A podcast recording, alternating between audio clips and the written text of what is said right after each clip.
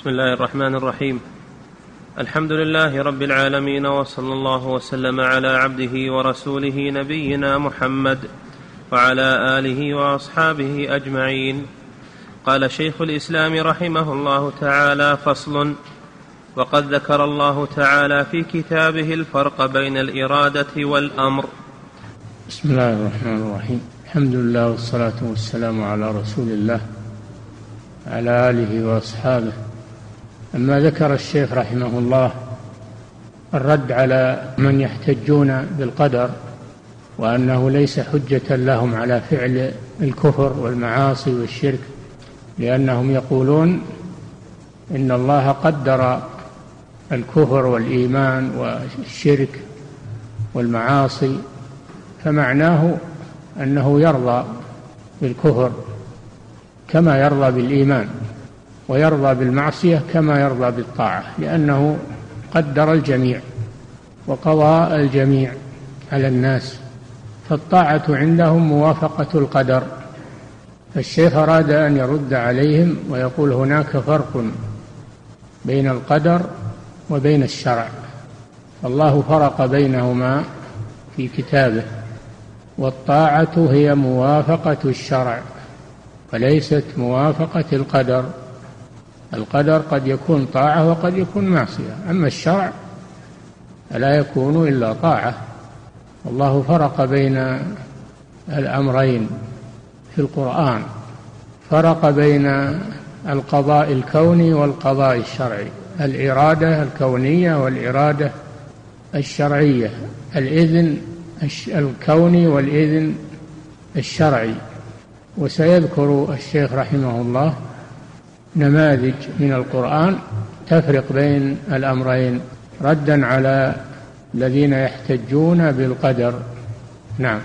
وقد ذكر الله تعالى في كتابه الفرق بين الإرادة والأمر والقضاء والإذن والتحريم والبعث والإرسال والكلام والجعل بين الكوني الذي خلقه وقدره وقضاه وإن كان لم يأمر به ولا يحبه ولا يثيب أصحابه ولا يجعلهم من أوليائه المتقين وبين الديني الذي أمر به وشرعه وأثاب عليه وأكرمهم. نعم الله فرق بين هذه الأشياء الكونية والشرعية وفرق بين أوليائه وأولياء الشيطان. فالذين يتبعون شرعه وأمره هؤلاء أولياء الرحمن. والذين يتبعون قدره ويخالفون شرعه ويقولون لا فرق بينهما هؤلاء أولياء الشيطان. نعم. وبين الديني الذي أمر به وشرعه وأثاب عليه وأكرمهم وجعلهم من أوليائه المتقين وحزبه المفلحين. وجنده الغالبين. وهذا من أعظم الفروق التي يفرق بها بين أولياء الله وأعدائه. فمن استعمله الرب سبحانه وتعالى فيما يحبه ويرضاه ومات على ذلك كان من أوليائه. ومن كان عمله فيما يبغضه الرب ويكرهه ومات على ذلك كان من أعدائه. نعم. فالله فرق بين المؤمنين والكفار. والمطيعين والعاصين ولم يجعلهم سواء وإن كان قدر عليهم جميعا الطاعة والمعصية والكفر والإيمان فهو فرق بينهم في الجزاء. هؤلاء في الجنة وهؤلاء في النار ولم يكونوا سواء. فنجعل المسلمين كالمجرمين؟ ما لكم كيف تحكمون؟ هذا خلاف العدل. الله جل وعلا حكم عدل. لا يمكن أن يسوي بين المؤمن والكافر والمطيع والعاصي والمؤمن والمنافق. لا يمكن أن يسوي بينهم. لأن المطيع اتبع أمره وشرعه ودينه والعاصي اتبع معصيته والكفر به والشرك. فرق بين العملين وفرق بين العبدين وفرق بين الجزائين. عند الله سبحانه وتعالى. الذي لا يفرق بين هؤلاء هذا إلحاد في آيات الله سبحانه وتعالى. وقد نجمت في هذا العصر فكرة خبيثة وهي الحرية وأن الناس أحرار وأنهم لا حجر عليهم ولا مصادرة لآرائهم وأفكارهم. ولا يتقيدون بالشرع وأن كل إنسان يقول ما يفعل ويكتب ما يريد ولو كان كفرا وإلحادا هذا من حرية الرأي يقولون من حرية الكلمة. هذا خروج عن شرع الله سبحانه وتعالى. هذا يشبه قول هؤلاء حزب الشيطان الذين لا يفرقون بين الشرع والقدر. نعم. فالإرادة الكونية هي مشيئته لما خلقه. الإرادة والمشيئة. المشيئة هذه لا تنقسم لا تكون إلا كونية. المشيئة لا تكون إلا كونية وهي ترادف الإرادة الكونية. نعم. وجميع المخلوقات داخلة في مشيئته وإرادته الكونية. جميع المخلوقات من المؤمنين والكفار والجن والإنس والشياطين كلها داخلة في إرادته الكونية وخلقه سبحانه وتعالى كلهم خلقه. خلق إبليس والكفار وخلق الأنبياء والمرسلين والمؤمنين. خلق هذا وهذا. من جهة الخلق لا فرق أما من جهة الشرع والجزاء فهناك فرق. نعم. والإرادة الدينية هي المتضمنة لمحبته ورضاه. الإرادة الكونية لا تستلزم المحبة والرضا فقد يريد الله كونا وقدرا ما لا يحبه دينا. فالكفر أراده الله كونا وقضاه وهو لا يحبه ولكن قدره وقضاه ليمتحن عباده باب الابتلاء والامتحان ليتميز المطيع من العاصي وولي الله من ولي الشيطان. من باب الامتحان والابتلاء. وإلا فهو لا يحبه. نعم. والإرادة الدينية هي المتضمنة لمحبته ورضاه. أما الإرادة الدينية فإن الله يحبها ويرضاها. وسيذكر الشيخ أمثلة للإرادة الكونية والإرادة الشرعية من القرآن. نعم. هي المتضمنة لمحبته ورضاه. المتناولة لما أمر به وجعله شرعا ودينا وهذه مختصة بالإيمان والعمل الصالح. الإرادة الدينية مختصة بالإيمان وبالعمل الصالح. أما الإرادة الكونية فهي لا تختص بالإيمان والعمل الصالح هي تشمل تشمل الكفر والإيمان تشمل العمل الباطل والعمل الصالح كله بقضاء الله وقدره. نعم. قال الله تعالى فمن يرد الله أن يهديه يشرح صدره للإسلام ومن يرد أن يضله يجعل صدره ضيقا حرجا كأنما يصعد في السماء. هذه فيها الإرادتان. من يريد أن يهديه يشرح صدره للإسلام. هذه الإرادة الشرعية. ومن يريد أن يضله هذه الإرادة الكونية. يجعل صدره ضيقا حرجا. فالهداية لها أسباب وهي العمل الصالح والضلال له أسباب وهو المعصية والكفر. نعم. وقال نوح عليه السلام لقومه ولا ينفعكم نصحي إن أردت أن أنصح لكم إن كان الله يريد أن يغويكم. هو ربكم وإليه ترجعون. الشاهد في قوله إن كان الله يريد أن يغويكم هذه الإرادة الكونية. التي لا حيلة فيها.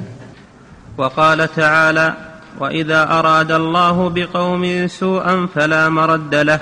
هذه إرادة كونية. وإذا أراد الله بكون بقوم سوءا فلا مرد له. وما لهم من دونه من وال. فالله يريد السوء بمن يستحقه بمن يستحقه من الظلمة والطغاة والمشركين والكفار لأن الله أراد بهم سوءا حيث لم يقبلوا هدى الله سبحانه وتعالى. نعم. وقال تعالى في الثانية الإرادة الثانية الشرعية الآيات التي ذكرها هذه الإرادة الكونية. والإرادة والآيات الآتية هذه الإرادة الشرعية. ومن كان منكم مريضا أو على سفر فعدة من أيام أخر. يريد الله بكم اليسر ولا يريد بكم العسر. نعم هذه إرادة شرعية. الله جل وعلا رخص للمريض أن يفطر في رمضان ورخص للمسافر أن يفطر في رمضان ويقضيان من أيام أخر. ثم قال يريد الله بكم اليسر. هذه إرادة شرعية. إرادة شرعية. ولا يريد بكم العسر ولتكملوا العدة. هذا مثال للإرادة الشرعية التي يرضاها الله سبحانه ويحبها. نعم. وقال تعالى في آية الطهارة ما يريد الله ليجعل عليكم من حرج ولكن يريد ليطهركم وليتم نعمته عليكم لعلكم تشكرون. قال تعالى في آية الطهارة من سورة المائدة يا أيها الذين آمنوا إذا قمتم إلى الصلاة فاغسلوا وجوهكم وأيديكم إلى المرافق وامسحوا برؤوسكم وأرجلكم إلى الكعبين وإن كنتم جنبا فاطهروا وإن كنتم مرضى أو على سفر أو جاء أحد منكم من الغائط أو لامستم النساء فلم تجدوا ماء فتيمموا صعيدا طيبا فامسحوا بوجوهكم وأيديكم منه. فأمر بالطهارة من الحدث الأصغر والطهارة من الحدث الأكبر وهو الجنابة. والطهارة بماذا تكون؟ تكون بالماء. فإذا لم يجد الماء فإنه يعدل إلى التيمم بالتراب يضرب بيديه الأرض ثم يمسح بهما وجهه وكفيه والتراب طهور عند عدم الماء أو العجز عن استعماله. ثم قال جل وعلا ما يريد الله ليجعل عليكم في الدين من حرج ولكن يريد ليطهركم وليتم نعمته عليكم ولعلكم تشكرون. هذا مثال للإرادة الشرعية. نعم. ولما ذكر ما أحله وما حرمه من النكاح قال سبحانه يريد الله ليبين لكم ويهديكم سنن الذين من قبلكم ويتوب عليكم والله عليم حكيم.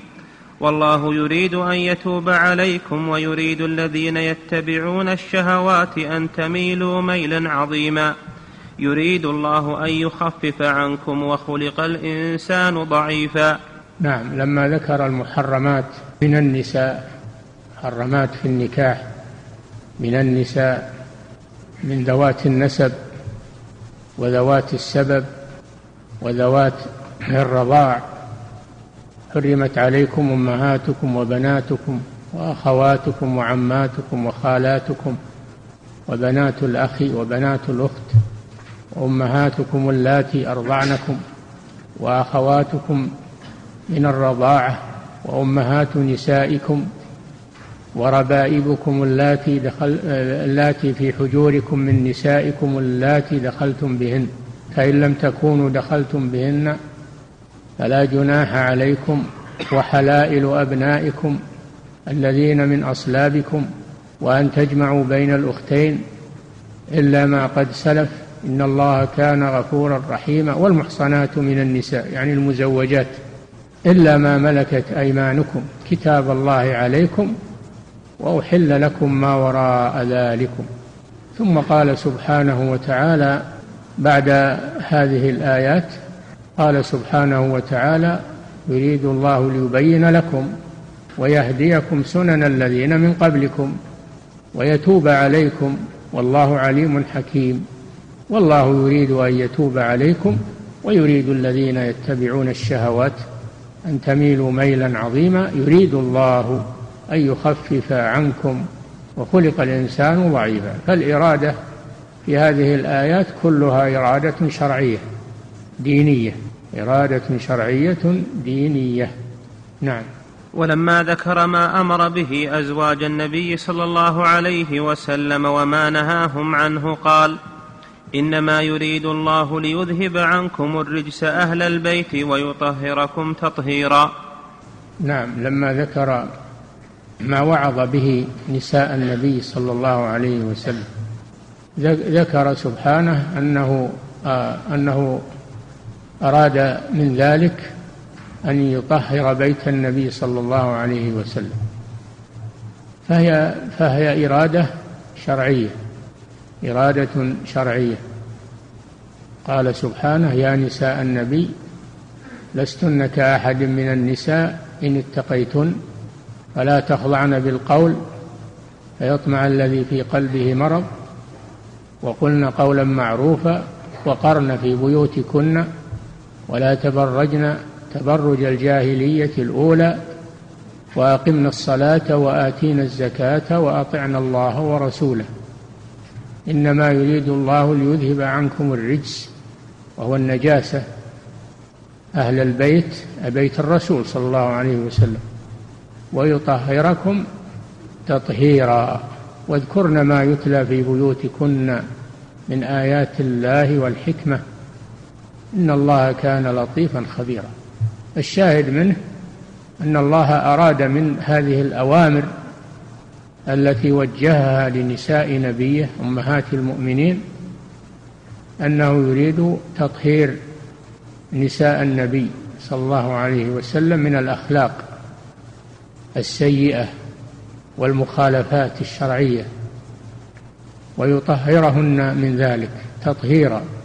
فدل على أن لزوم الحجاب ولزوم العفة والبيت والحياء تجنب تبرج وتجنب المغازلات والكلام الذي يجر إلى الشر أن ذلك طهارة للقلوب وطهارة للأعراض طهارة للبيوت. وأما الملاحدة اليوم فيقولون لا هذا كبت لحرية النساء هذا كبت لحرية النساء وهضم لحقوقهن. دعوا النساء يفعلن ما شئنا لا حجر عليهن. هكذا يقولون قبحهم الله. فهم لا يريدون الطهارة للأمة. وإنما يريدون الرجس للأمة. قبحهم الله. وكفى الله المسلمين شرهم.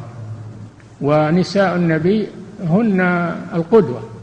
إذا كانت نساء النبي وهن أطهر نساء على وجه الأرض وجههن الله هذه التوجيهات. فكيف بغيرهن من سائر النساء؟ من باب أولى. نعم. والمعنى أنه أمركم بما يذهب عنكم الرجس أهل البيت ويطهركم تطهيرا. فمن أطاع أمره كان مطهرا قد أذهب عنه الرجس بخلاف من عصاه. نعم من أطاع أمر الله فإن الله سبحانه يطهره من الرجس الرجس الخلقي والرجس الحسي. ومن عصاه فإنه تنجس النجاسة الحسية والمعنوية فلا طهارة إلا بالإيمان والأخلاق الكريمة والعفة والنزاهة. نعم. وأما الأمر فقال في الأمر الكوني. خلصنا من الإرادة وعرفنا أمثلة للإرادة الكونية والإرادة الشرعية الدينية. الأمر منه كوني ومنه شرعي. نعم. وأما الأمر فقال سبحانه في الأمر الكوني إنما أمرنا لشيء إذا أردناه أن نقول له كن فيكون. هذا الأمر الكوني إنما أمرنا لشيء إذا أردناه أن نقول له كن فيكون لا يتأخر عن أمر الله سبحانه وتعالى ولا يستعصي بل إنه يكون ويوجد بمجرد أن يقول الله له كن. هذا الأمر الكوني الذي لا يتخلف مقتضاه. أما الأمر الشرعي فقد يتخلف مقتضاه قد يتحقق. نعم أما الكوني فلا يتخلف أبدا. إنما أمره إذا أراد شيئا أن يقول له كن فيكون. وإذا أردنا أن نهلك قرية أمرنا متر فيها ففسقوا فيها. هذا أمر كوني لأن الله لا يأمر بالفسق. شرعا وإنما يأمر به كونا ويشاؤه كونا لحكمة منه سبحانه وتعالى. نعم. وقال تعالى وما أمرنا إلا واحدة كلمح بالبصر. هذا في قيام الساعة إذا أمر الله بقيام الساعة لحظة. كلمح بالبصر. هنا أسرع من لمح البصر؟ هنا أسرع منه. الله إذا أمر بوجود شيء وخلق شيء إنما هو كلمح البصر. نعم. وقال تعالى أتاها أمرنا ليلا أو نهارا فجعلناها حصيدا كأن لم تغن بالأمس. إنما مثل الحياة الدنيا كماء أنزلناه من السماء فاختلط به نبات الأرض مما يأكل منه منه منه الناس والأنعام حتى إذا أخذت الأرض زخرفها وزينت. وظن أهلها أنهم قادرون عليها أتاها أمرنا ليلا أو نهارا. سلط الله عليها شيئا يتلفها. أتاها أمرنا أمرنا الكوني القدري ليلا أو نهارا. فجعلناها حصيدا كأن لم تغن بالأمس. فذهب ما فيها من النبات والزخرف الزهر بلحظة بلحظة ليلا أو نهارا تصبح كأن لم تغن بالأمس. فالأمر الكوني لا يتخلف عنه مقتضاه. يوجد في الحال. نعم هذا أمر كوني. نعم. وأما الأمر الديني فقال تعالى إن الله يأمر بالعدل والإحسان وإيتاء ذي القربى وينهى عن الفحشاء والمنكر والبغي يعظكم لعلكم تذكرون. أما مثال الأمر الديني فهذه الآية إن الله يأمر بالعدل والإحسان وإيتاء ذي القربى وينهى عن الفحشاء والمنكر والبغي يعظكم لعلكم تذكرون. إن الله يأمر أمرا شرعيا دينيا بالعدل وهو القسط العدل في القول والعدل في الحكم والعدل في كل شيء وهو عدم الجور. العدل ضده الجور. فالعدل هو القسط. وإذا قلتم فاعدلوا ولو كان ذا قربى. وزنوا بالقسطاس المستقيم. فالعدل في كل شيء في المكاييل والموازين وفي كل شيء. الله أمر بالعدل في كل شيء ونهى عن الجور والظلم يامر بالعدل والقصاص عدل منه سبحانه وتعالى القصاص من القتلى والقصاص في الجراحات والأطراف والقصاص في الكلام أيضا كل هذا من العدل كله من العدل. والإحسان الإحسان فضل فالعدل هذا العدل هذا هو الانتصاف من الظالم بمثل ظلمه فيقتص من القاتل يقتص من الظالم والجائر بمثل ما اعتدى من غير زيادة من غير زيادة في القصاص وأخذ الحق من المعتدي. ولكن أفضل منه الإحسان وهو العفو. قال تعالى وجزاء سيئة سيئة مثلها هذا قصاص عدل فمن عفا وأصلح فأجره على الله. القصاص عدل والعفو فضل العفو فضل والفضل أحسن وأفضل من العدل.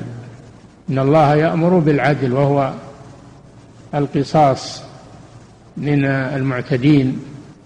والإحسان وهو العفو والتسامح عن المعتدي لأن هذا لأن هذا يجلب المودة كما قال تعالى ولا تستوي الحسنة ولا السيئة ادفع بالتي هي أحسن. فإذا الذي بينك وبينه عداوة كأنه ولي حميم. إن الله يأمر بالعدل والإحسان. وإيتاء ذي القربى. القربى كل من تربطك بهم قرابة قرابة رحم من جهة الأب أو من جهة الأم لهم حق عليك. قال تعالى وآت ذا القربى حقه وآت ذا القربى حقه فله حق عليك بعد حق الوالدين. قضى ربك ألا تعبدوا إلا إياه وبالوالدين إحسانا وبذي القربى. فبعد الوالدين القرابة من جهتهما من جهة الوالدين. لهم حق عليك بالصلة صلة الرحم بالعدل والإحسان وإيتاء ذي القربى. وينهى عن الفحشاء وهي كل ما استقبح من المعاصي. فالفحشاء هي المعصية المستقبحة.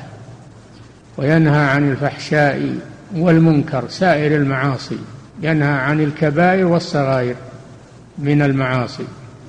والبغي وهو التعدي على الناس. البغي هو التعدي على الناس في دمائهم أو في أموالهم أو في أعراضهم. هذا بغي. وينهى عن الفحشاء والمنكر والبغي. فهذه الآية فيها الأمر الشرعي.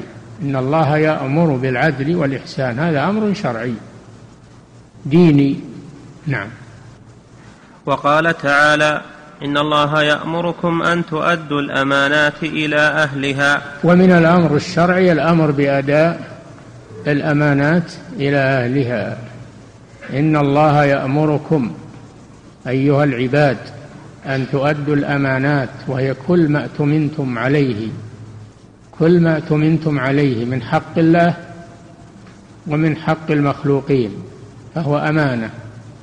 يجب عليك أن تؤديها إلى أهلها الذين ائتمنوك عليها. لا تبخس منها شيئا ولا تخن فيها. إن الله يأمركم أن تؤدوا الأمانات إلى أهلها. وإذا حكمتم بين الناس أن تحكموا بالعدل. الشاهد من قوله إن الله يأمركم أن تؤدوا الأمانات. هذا أمر شرعي ديني. نعم. وأما الإذن فقال في الكوني لما ذكر السحر وما هم بضارين به من أحد إلا بإذن الله. وما هم أي السحرة بضارين به أي بالسحر. السحر يضر. السحر يضر. إما بالقتل وإما بالمرض. فهو يضر. نسأل الله العافية. وهو من عمل الشياطين.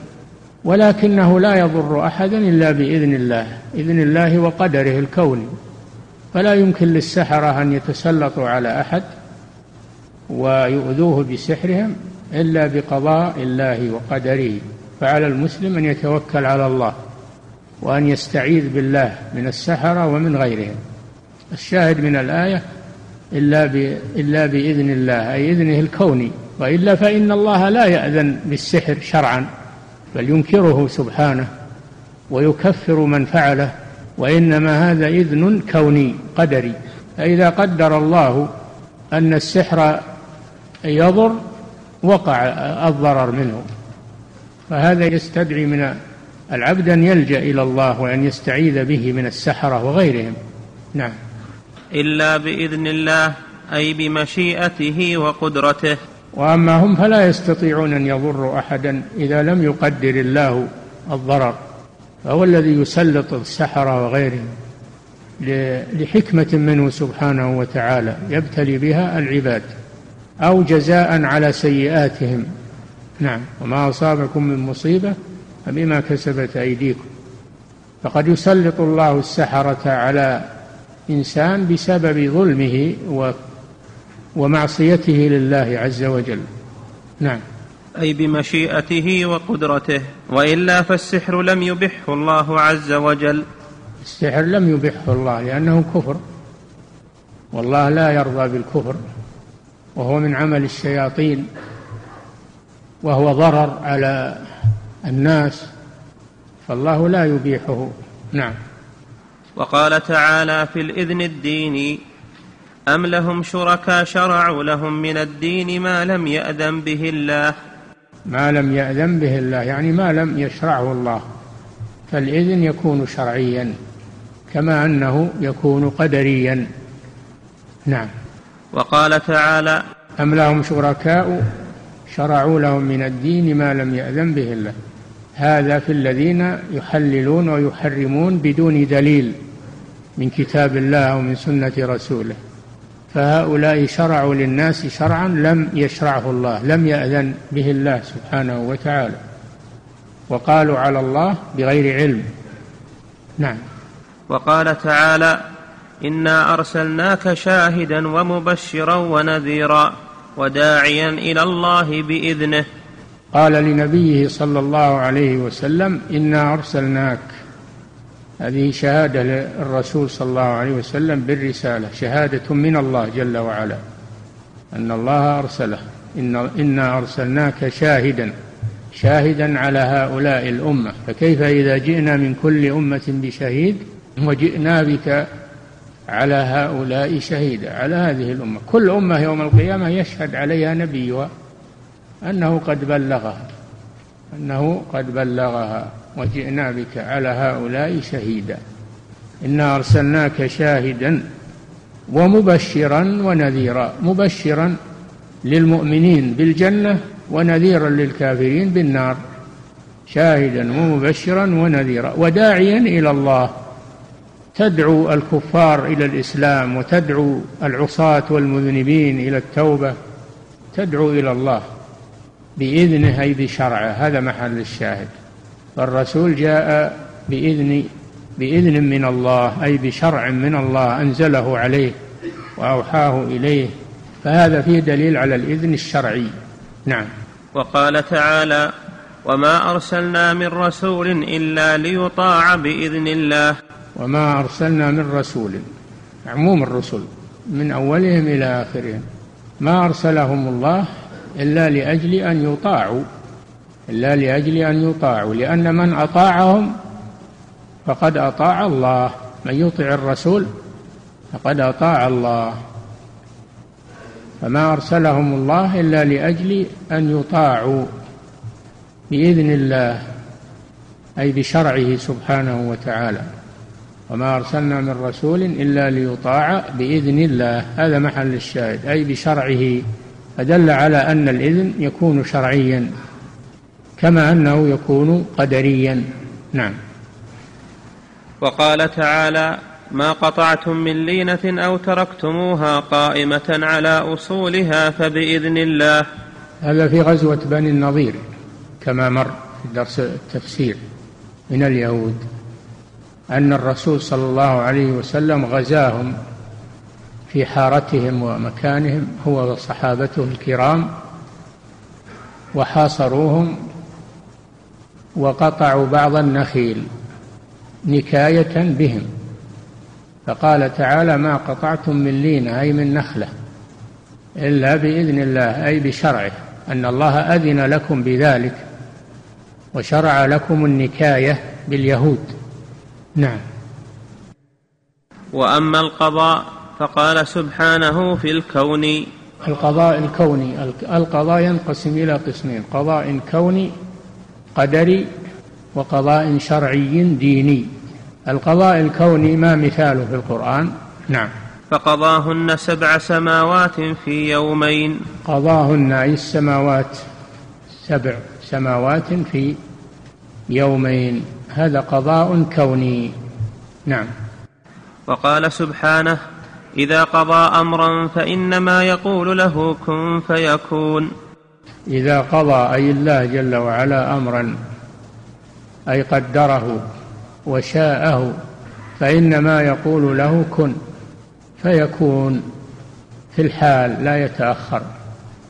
إذا قال الله له كن فإنه يكون في الحال. الشاهد من قوله أن يقول له كن. نعم. وقال سبحانه في القضاء الديني. إنما ها أمره نعم. إذا قضى أمرا فإنما إذا قضى أمرا أي القضاء الكوني. إذا قضى أمرا أي القضاء الكوني. إنما يقول له كن فيكون. نعم. وقال سبحانه في القضاء الديني وقضى ربك ألا تعبدوا إلا إياه.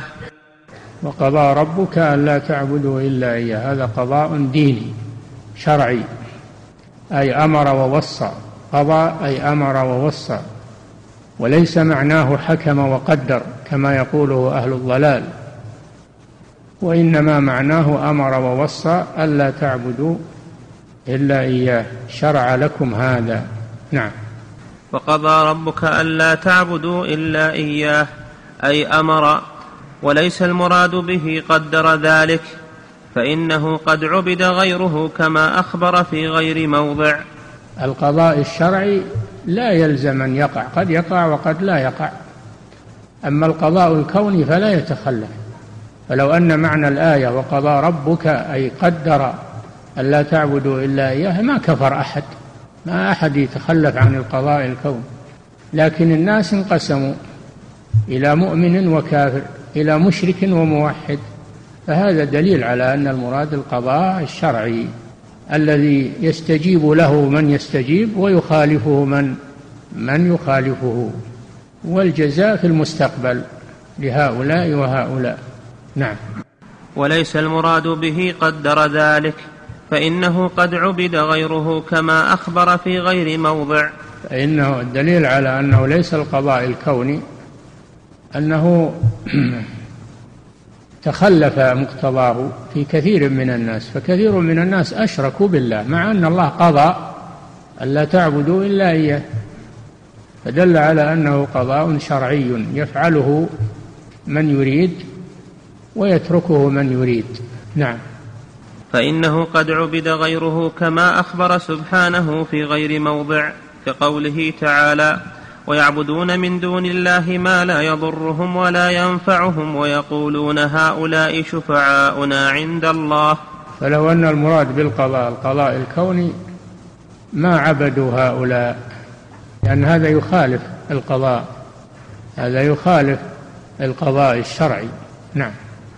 وقول الخليل عليه السلام لقومه أفرأيتم ما كنتم تعبدون؟ أنتم وآباؤكم الأقدمون فإنهم عدو لي إلا رب العالمين. نعم. لأن قوم إبراهيم أشركوا بالله فلو أن المراد بالقضاء القضاء الكوني ما خالفوا ولا أشركوا. نعم. وقال تعالى قد كانت لكم أسوة حسنة في إبراهيم والذين معه. إذ قالوا لقومهم إنا براء منكم ومما تعبدون من دون الله. ومما تعبدون من دون الله. فدل على أنهم عبدوا غير الله. ولو كان القضاء كونيا ما عبدوا غير الله. دل على أنه قضاء شرعي. نعم.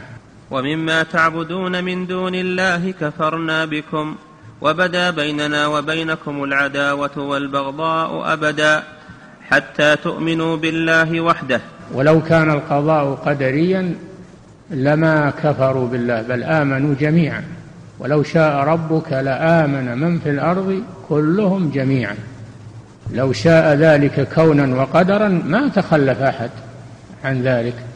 ولكنه قضاه وأراده شرعا ودينا فمن الناس من امتثل ومنهم من خالف. نعم. وقال تعالى قل يا أيها الكافرون لا أعبد ما تعبدون ولا أنتم عابدون ما أعبد ولا أنا عابد ما عبدتم ولا أنتم عابدون ما أعبد لكم دينكم ولي دين. فدل على أن هناك من يعبد غير الله. لا أعبد ما تعبدون. فدل على أن هناك من يعبد غير الله. وهناك من يعبد الله. فالرسول صلى الله عليه وسلم يعبد الله. وامتثالا لأمره الشرعي. وأما الكفار فهم يعبدون غير الله. دل على أن المراد بالقضاء هنا ألا تعبدوا إلا إياه أنه القضاء الشرعي. نعم. وهذه كلمة تقتضي براءته من دينهم ولا تقتضي رضاه بذلك. نعم ليس معنى لكم دينكم ولي دين أنه يقول كل كل على حق أنا وأنتم كما يقوله بعض الكتاب اليوم إن كل الناس يعبدون الله. كل على طريق هذا على طريق اليهود وذا على طريق النصارى وذا على طريق كذا والمسلمون يعبدون الله فكل الناس يعبدون الله يقولون. يقولون كل الناس يعبدون الله. هذا من جنس قول الملاحدة. لو شاء الله ما عبدنا من دونه من شيء نحن ولا آباؤنا. فلا في فرق بين دين المسلمين ودين الكافرين.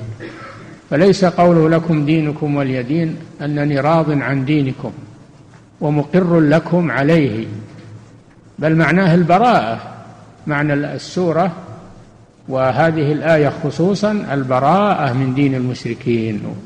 هذا هذا معناه وما تبرأ منه إلا لأنه باطل وكفر نعم. وهذه كلمة تقتضي براءته من دينهم ولا تقتضي رضاه بذلك. رضاه بدينهم. وأن كلنا نعبد الله. وإن تعددت يقولون وإن تعددت الطرق فكلهم يعبدون الله. يقول لا الله لا يعبد إلا بما شرع. ما يعبده الناس بأهوائهم ورغباتهم إنما يعبد الله بما شرع على لسان رسوله صلى الله عليه وسلم. ليس هناك طريق إلا طريق الرسول صلى الله عليه وسلم. نعم. كما قال تعالى في الآية الأخرى فإن كذبوك فقل لي عملي ولكم عملكم أنتم بريئون مما أعمل وأنا بريء مما تعملون. فهذه الآية تفسر قوله تعالى لكم دينكم ولي دين. أنتم بريئون مما أعمل وأنا بريء مما تعملون. أن معناه البراءة من دينهم وليس الإقرار لهم على دينهم وأنه دين حق كلنا سواء كلنا نعبد الله وإن اختلفت الطرق. هذا كلام باطل. نعم. ومن ظن من الملاحدة أن هذا رضا منه بدين الكفار فهو من أكذب الناس وأكثرهم. من ظن أن أن هذا من الرسول صلى الله عليه وسلم رضا بدين الكفار فهو من أكذب الناس على الله وعلى رسوله لأن الرسول لم يرضى بدين الكفار ولا أحد من المؤمنين يرضى بدين الكفار. نعم. كمن ظن أن قوله تعالى وقضى ربك بمعنى قدر وأن الله سبحانه ما قضى بشيء إلا وقع وجعل عباد الأصنام ما عبدوا إلا الله فإن هذا من أعظم الناس كفرا بالكتب. نعم. واضح. هذا واضح. نعم. وأما لفظ البعث فقال تعالى في البعث الكوني. البعث على قسمين بعث كوني قدري وبعث شرعي. نعم. البعث الكوني فقال تعالى في البعث الكوني فإذا جاء وعد أولاهما بعثنا عليكم عبادا لنا أولي بأس شديد فجاسوا خلال الديار وكان وعدا مفعولا. قال تعالى وقضينا إلى بني إسرائيل في الكتاب يعني في التوراة التي معهم. قضينا يعني أخبرناهم القضاء يطلق أحيانا ويراد به الإخبار. وقضينا إلى بني إسرائيل أي أخبرناهم. قضينا إلى بني إسرائيل لتفسدن في الأرض مرتين والإفساد في الأرض إفسادها بالمعاصي والكفر والشرك وإصلاحها بالطاعة والعبادة فالأرض لا تصلح إلا بعبادة الله سبحانه وتعالى وأما الكفر بالله فهو إفساد في الأرض. قال تعالى ولا تفسدوا في الأرض بعد إصلاحها. وإذا قيل لهم لا تفسدوا في الأرض قالوا إنما نحن مصلحون. فالإفساد في الأرض هو النفاق والكفر والمعاصي. وأما الطاعة والعبادة لله فهي إصلاح في الأرض. لتفسدن في الأرض مرتين بالكفر والمعاصي. يحصل منهم كفر ومعاصي مرتين. ولتعلن علوا كبيرا يحصل منكم كبر وأشر وبطر فعند ذلك يعاقبهم الله في المرتين يعاقبهم الله في كل مرة على إفسادهم وعلى كبرهم وطغيانهم. لتفسدن في الأرض مرتين ولتعلن علوا كبيرا. فإذا جاء وعد أولاهما أي أولى المرتين وأفسدتم في الأرض بعثنا هذا محل الشاهد بعثنا عليكم عبادا لنا ولي بأس شديد. من الكفار لأنه سبق أن كل الناس عباد لله العبادة العامة. كلهم عباد الله تنفذ فيهم أقداره وتدابيره سبحانه لا يخرجون عن ذلك. كلهم عباد عبادة قهرية. أما العبادة الاختيارية فهي للمؤمنين خاصة. العبودية الاختيارية هذه للمؤمنين خاصة. أما العبودية القهرية فهي عامة للمؤمنين والكفار. إن كل من في السماوات والأرض إلا آتي الرحمن عبدا. وقول عبادا لنا أي من الكفار؟ سلط الله الكفار على المسلمين. شوف سلط الله الكفار على المسلمين بسبب الذنوب والمعاصي. بعثنا عليكم عبادا لنا. أي من الكفار. أولي بأس شديد والعياذ بالله معهم قوة وعتاد وبطش. أولي بأس شديد فجاسوا خلال الديار أفسدوا بلادكم ودخلوا بيوتكم ونهبوا أموالكم. فجاسوا خلال الديار بسبب الإفساد الذي حصل منكم وكان وعدا مفعولا. ثم رددنا لكم الكرة عليهم. بعد ذلك إذا تاب بنو إسرائيل واستقاموا بعد النكبة وعرفوا خطأهم وأصلحوا شأنهم أعاد الله لهم العزة وأخرجوا الكفار من بلادهم. ثم رددنا لكم الكرة عليهم أي على الكفار الذين غزوكم في بيت المقدس وأمددناكم بأموال وبنين. وجعلناكم أكثر نفيرا. إن أحسنتم أحسنتم لأنفسكم وإن أسأتم فلها. فإذا جاء وعد الآخرة أي المرة الثانية لأنه يعني قال تفسدن في الأرض مرتين. المرة الأولى مضت المرة الثانية فإذا جاء وعد الآخرة أي المرة الثانية فإذا جاء وعد الآخرة نعم أعيد العبارة. نعم. فقال تعالى في البعث الكوني فإذا جاء وعد أولاهما بعثنا عليكم عبادا لنا أولي بأس شديد فجاسوا خلال الديار وكان وعدا مفعولا. ثم رددنا لكم الكرة عليهم إذا تبتم وأصلحتم أعاد الله لكم عزكم ونصركم على عدوكم فأخرجتوهم من بلادكم. فإذا جاء وعد الآخرة ليسوءوا وجوهكم. إذا عصيتم مرة ثانية وأفسدتم في الأرض أعاد الله عليكم العقوبة وأعاد عليكم العدو. فسودوا وجوهكم بالهزيمة بالهزيمة النكرة والعياذ بالله ليسوءوا وجوهكم وليدخلوا المسجد بيت المقدس المسجد الأقصى وليدخلوا المسجد كما دخلوه أول مرة في, المرة الأولى. يدخلون المسجد ويفسدون فيه في, في بيت المقدس. وليدخلوا المسجد كما دخلوه أول مرة وليتبروا يعني يهلكوا ويتلفوا ما علوا أي على بنو إسرائيل من الأموال والمباني والعمران. يتبروا ما علوا تتبيرا يدمروه تدميرا بسبب فسادكم. عسى ربكم أن يرحمكم وإن عدتم عدنا. المرة الثالثة وإن عدتم عدنا.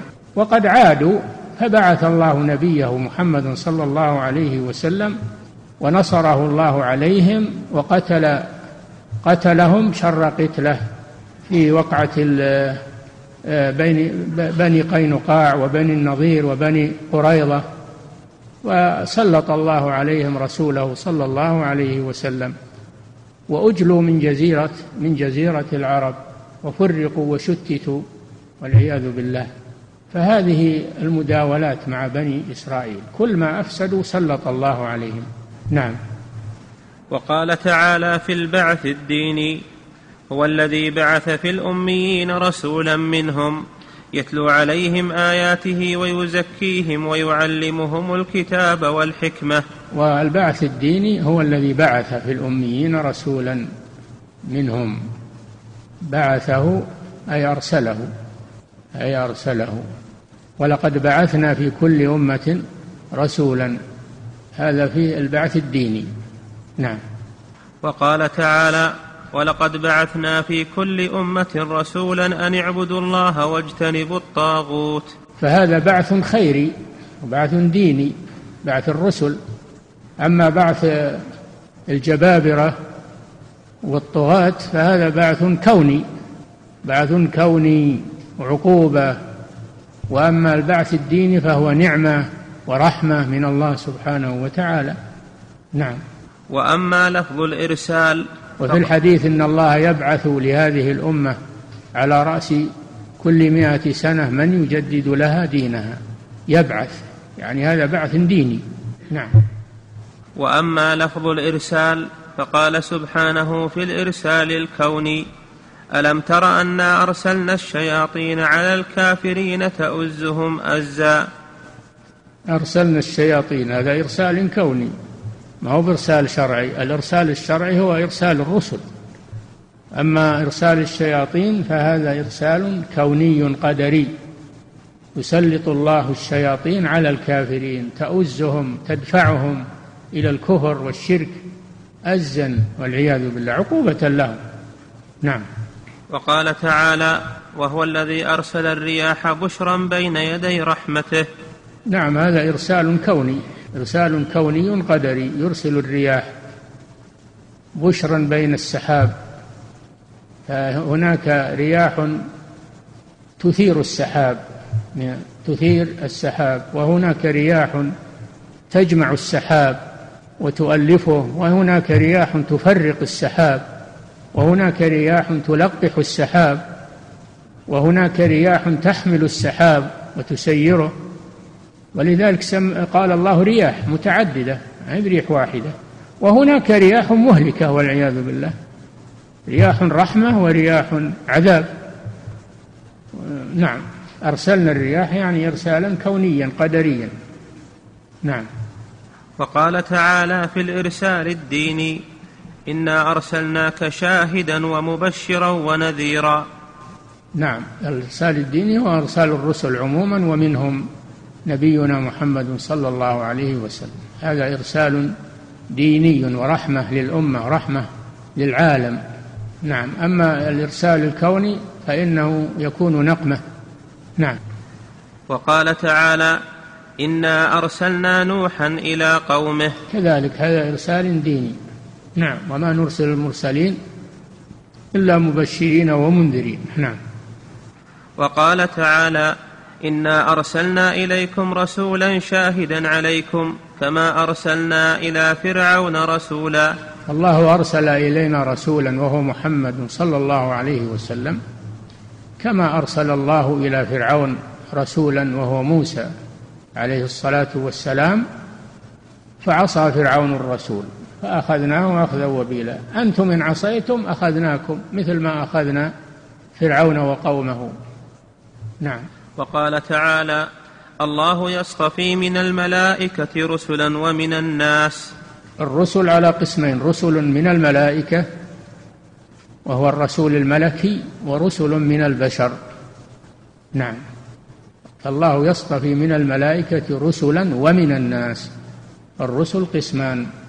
بشري وملكي. نعم. وأما لفظ الجعل فقال سبحانه في الكون وجعلناهم أئمة يدعون إلى النار. نعم. وجعلنا الكفار جعلناهم قوم فرعون أئمة يدعون إلى النار. ويوم القيامة لا ينصرون. جعلنا هذا جعل كوني. نعم. يعني صيرنا. نعم.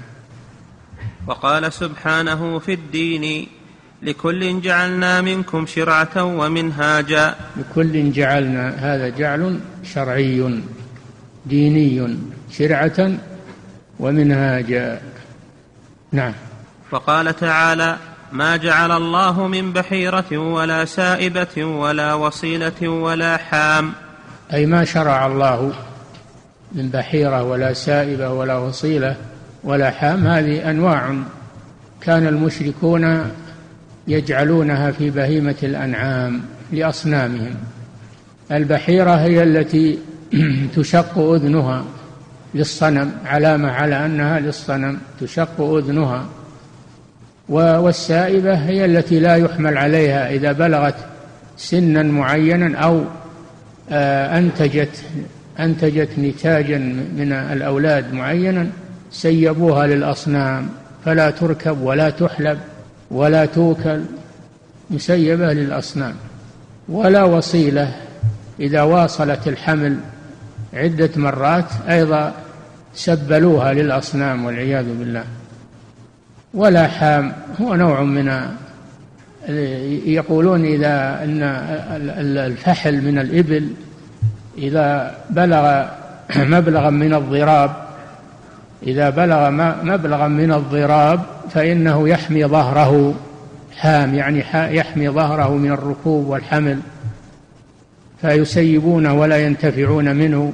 هذه تصرفات من المشركين. ما أنزل الله بها من سلطان. ما جعل الله من بحيرة. يعني ما شرع الله ذلك. وإنما هم الذين شرعوه لأنفسهم من دون الله عز وجل. حرموا ما أحل الله والعياذ بالله.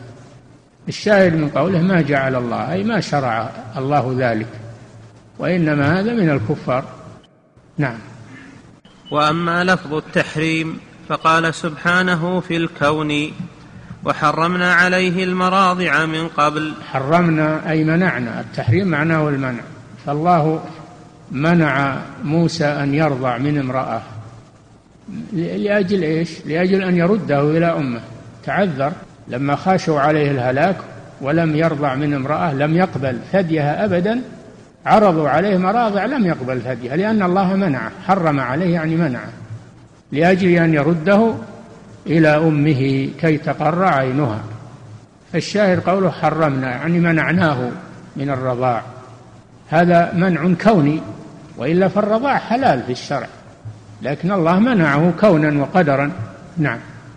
وقال تعالى فإنها محرمة عليهم أربعين سنة. لما أبى لما أبى بنو إسرائيل أن يدخلوا بيت المقدس لأن فيه جبابرة وهم جبنا لا يستطيعون مقابلة الجبابرة في النهاية قالوا اذهب أنت وربك فقاتلا إنا هنا قاعدون. فعند ذلك قال موسى عليه السلام رب إني لا أملك إلا نفسي وأخي فافرق بيننا وبين القوم الفاسقين. أنزل الله عليهم العقوبة فقال فإنها محرمة عليهم أي دخولها. أربعين سنة يتيهون في الأرض. يتيهون في الأرض لا يأوون إلى مباني ولا إلى بلاد وإنما يكونون في البرية يتيهون يذهبون ويجيئون. عقوبة لهم. إلى أن أنشأ الله جيلا بعدهم شجعان فدخلوا بيت المقدس وهزموا المشركين وطردوهم منه. الشاهد في قوله قال فإنها أي بيت المقدس محرمة عليهم أي ممنوعون من دخولها. أربعين سنة عقوبة لهم. عقوبة لهم لما أبوا أن يدخلوا مع نبيهم ويخرجوا المشركين من بيت المقدس. من المسجد الأقصى عاقبهم الله سبحانه وتعالى. لكن رحمهم في التيه وأنزل عليهم المن والسلوى وأنزل وأرسل الغمام يظلهم من الشمس رحمة منه سبحانه وتعالى بهم. نعم. وقال تعالى في الدين حرمت عليكم الميتة والدم ولحم الخنزير وما أهل لغير الله به. هذا تحريم ديني ما هو كوني. حرمت عليكم الميتة يعني تناول لحوم الميتة والدم وهو الدم المسفوح آه، ولحم الخنزير وهو الحيوان القذر النجس المعروف. نعم. وقال تعالى حرمت عليكم أمهاتكم وبناتكم وأخواتكم وعماتكم وخالاتكم وبنات الأخ وبنات الأخت. حرمت شرعا ودينا أن تتزوجوا من هؤلاء. القريبات أو المرضعات أو المصاهرات أو المزوجات. نعم. وأما لفظ الكلمات فقال سبحانه في الكلمات الكونية. نقف على هذا. أحسن الله إليكم صاحب الفضيلة. هذه أسئلة كثيرة. أعرض على فضيلتكم ما تيسر منها. هذا سائل يقول هل هناك فرق بين الإرادة والأمر؟ والقضاء والإذن. أنت خلطت بين الأمور. كل شيء له له معنى. كل شيء له معنى وكل شيء ينقسم إلى كوني وقدري كما سبق. تراجع الكتاب وتشوف. نعم. أحسن الله إليكم صاحب الفضيلة وهذا السائل يقول هل الإرادة في مثل قول الله تعالى عن نوح عليه السلام إن كان الله يريد أن يغويكم تكون صفة من صفات الله أو أنه يخبر بها عن الله؟ الإرادة صفة من صفات الله. الإرادة صفة من صفات الله. نعم. أحسن الله إليكم وهذا السائل يقول ما معنى الإرادة في قوله ولا ينفعكم نصحي إن أردت أن أنصح لكم إرادة من نوح عليه السلام. إن أردت أن أنصح لكم هو نوح يريد أن أن ينصحهم يأمرهم وينهاهم نصيحة لهم كما قال شعيب عليه السلام وما أريد أن أخالفكم إلى ما أنهاكم عنه إن أريد إلا الإصلاح ما استطعت. نعم. فالرسل يريدون الإصلاح. نعم. أحسن الله إليكم صاحب الفضيلة وهذا السائل يقول هل قوله تعالى فمن يريد الله أن يهديه يشرح صدره للإسلام الآية هل هي إرادة شرعية؟ من يريد الله أن يهديه يشرح صدره للإسلام. نعم كونية هذه. كونية إذا قدر الله أن إنسانا يهتدي شرح صدره للإسلام. فقبل قبل الإسلام وفرح به. نعم. أحسن الله إليكم صاحب الفضيلة وهذا السائل يقول هل هناك من قال إن المشيئة تنقسم إلى مشيئة شرعية ومشيئة كونية؟ لا. ليس هناك من قال هذا. المشيئة كونية ولا تكون شرعية. نعم. أحسن الله إليكم صاحب الفضيلة وهذا السائل يقول ما الفرق بين الإرادة والمشيئة؟ الإرادة والمشيئة بمعنى واحد والله أعلم. نعم. أحسن الله إليكم صاحب الفضيلة هذا السائل لكن المشيئة لا تكون إلا كونية وأما الإرادة فتكون كونية وتكون شرعية والإرادة الكونية ترادف المشيئة. لاحظوا هذا. الإرادة الكونية ترادف المشيئة. ولا ترادف المشيئة ولا ترادف الإرادة الشرعية لأنه ليس هناك مشيئة شرعية. نعم. أحسن الله إليكم صاحب الفضيلة وهذا السائل يقول كسب الأموال المحرمة هل يكون من قبيل الأمر والإذن والإرادة الكونية؟ هذا مخالفة للحلال والحرام هذا من الإرادة الشرعية. الذي يكتسب هذا يخالف آه، إرادة الله الشرعية ودينه وشرعه. هذا مخالف مخالف وباختياره ما أجبر على هذا. ما يحتج بالقضاء والقدر ويقول أنا مجبر على هذا. لا هذا باختياره هو. هو الذي كسب المال الحرام وأراده باختياره وإرادته وكده وكسبه. لم يجبر على هذا بل نهي عن هذا. نعم. أحسن الله إليكم صاحب الفضيلة وهذا السائل يقول هل هل يستلزم من الإرادة الشرعية الدينية أن تكون كونية؟ أي أن كل إرادة شرعية فهي إرادة كونية؟ الإرادة الكونية والشرعية يجتمعان في إيمان المؤمن فإيمان المؤمن أراده الله شرعا وأراده كونا. أما كفر الكافر فالله أراده كونا ولم يرده شرعا افهموا هذا. هذه أمور لا بد من فهمها لأن ضل بها كثير من الناس لعدم الفهم والخلط بين هذا وهذا. نعم. أحسن الله إليكم صاحب الفضيلة وهذا السائل يقول هل يجوز القول إن السحر لم يأذن الله به؟ فهل هذه العبارة جائزة؟ لم يأذن الله به شرعا. ما ما هي بجائزة مطلقا؟ يقال لم يأذن الله به مطلقا؟ لا. لم يأذن الله به شرعا ولكنه أذن به كونا وقدرا. نعم.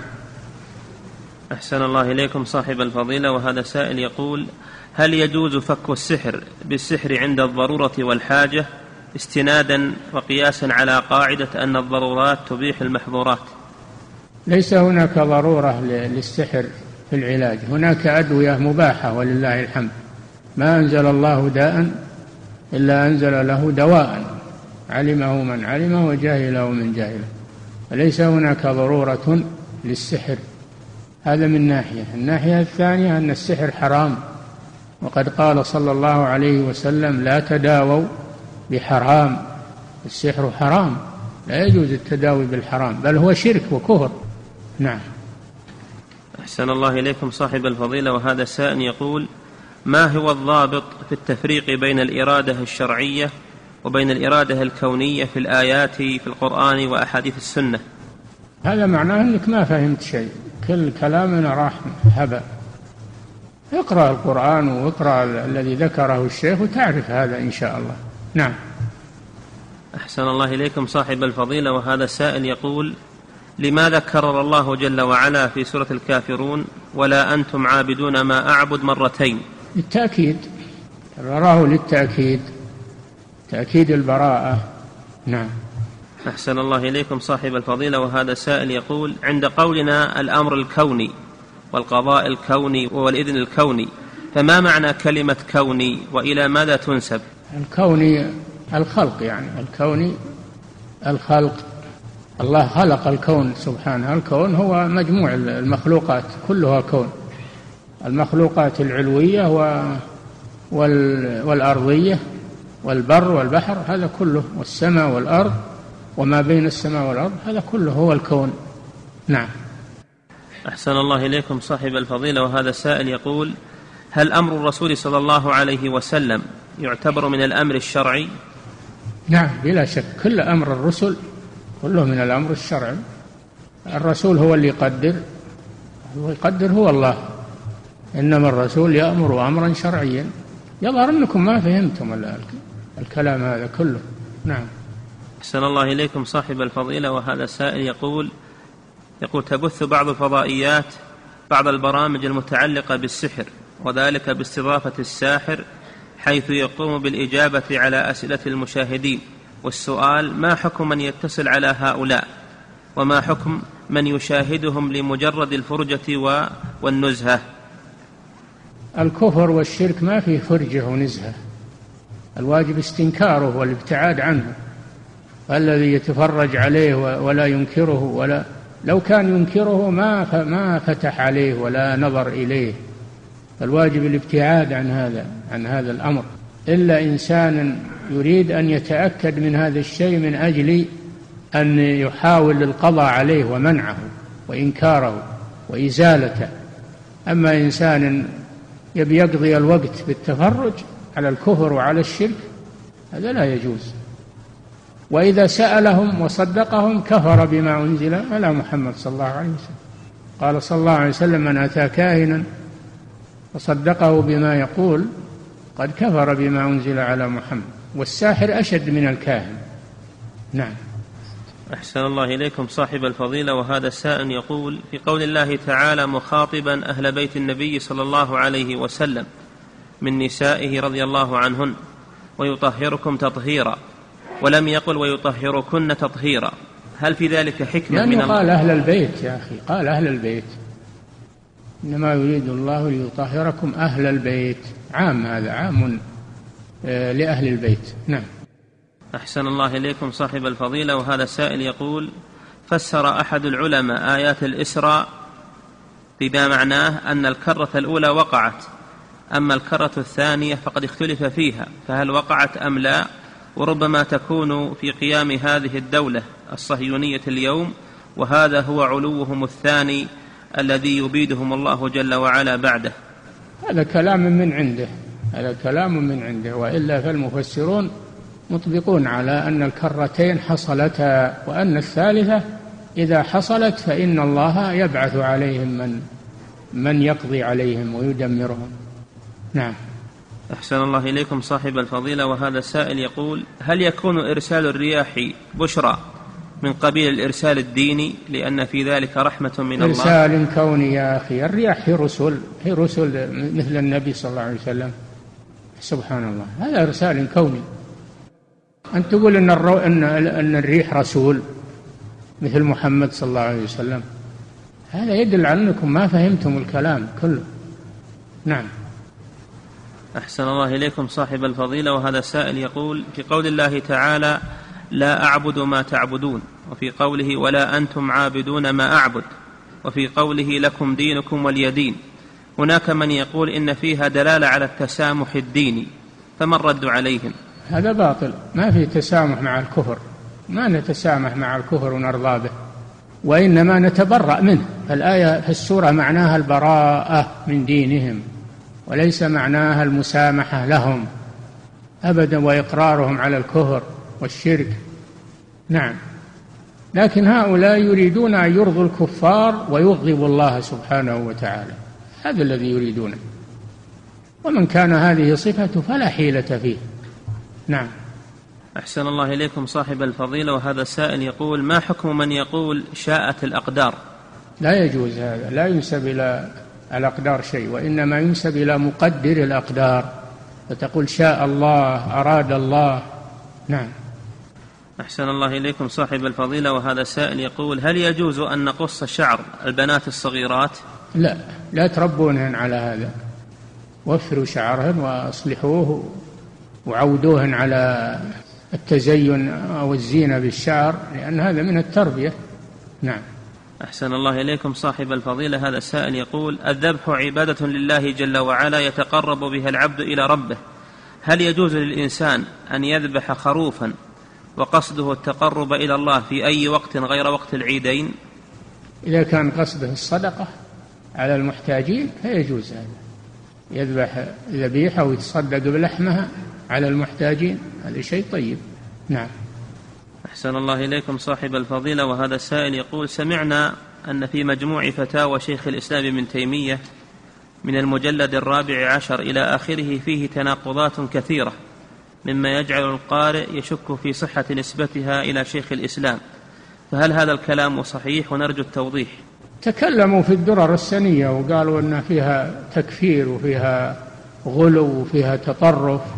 لأن الكتاب اللي ما يرضون عنه يلتمسون له العيوب والتشكيك. فمجموع فتاوى شيخ الإسلام ابن تيمية درة مختارة من كلام طيب وتفصيل جيد. كل ما تقرأه تستفيد منه. كلام واضح ومفصل ولا فيها شيء ما هو لشيخ الإسلام ابن تيمية. هذا كذب. هذا اتهام للعلماء الذين أقروها والذي جمعها والذين أقروها ووافقوها عليها علماء نجد وفي مقدمتهم الشيخ محمد بن إبراهيم رحمه الله الشيخ ابن باز والشيخ ابن حميد والمعاصرون لجامعها ما استنكروا عليه شيء من هذا. وكلام شيخ الإسلام واضح كلامه واضح سبحان الله أسلوبه متميز. ما فيها شيء مدسوس أبدا هذا كذب. لكن كما ذكرت لكم إذا لم يرضوا عن الكتاب أخذوا يشككون فيه. نعم. أحسن الله إليكم صاحب الفضيلة وهذا سائل يقول هل يجوز للغارم الذي طرأ عليه الغرم أن يأخذ من الزكاة وإن كان يمتلك بعض نعم. الممتلكات؟ هل يجوز؟ يقول سلمك الله هل يجوز للغارم الذي طرأ عليه الغرم أن يأخذ من الزكاة وإن كان يمتلك بعض الممتلكات من أراض وعقارات؟ الغارم على قسمين غارم لإصلاح ذات البين غارم لغيره. فهذا يأخذ ولو كان غنيا ولا يترك يتحمل الغرامة وحده لئلا يجحف ذلك في ماله ولئلا يصد الناس عن الإصلاح. أما الغارم لنفسه فهو المدين المعسر المدين المعسر الذي عليه دين وليس له سداد ويطالب به. فهذا يعطى من الزكاة. نعم. أحسن الله إليكم صاحب الفضيلة وهذا سائل يقول هل الجليل من أسماء الله تعالى؟ الجليل؟ أي نعم. ما أذكر هذا لكن ذو الجلال الجلال والإكرام. نعم. أحسن الله إليكم صاحب الفضيلة وهذا سائل يقول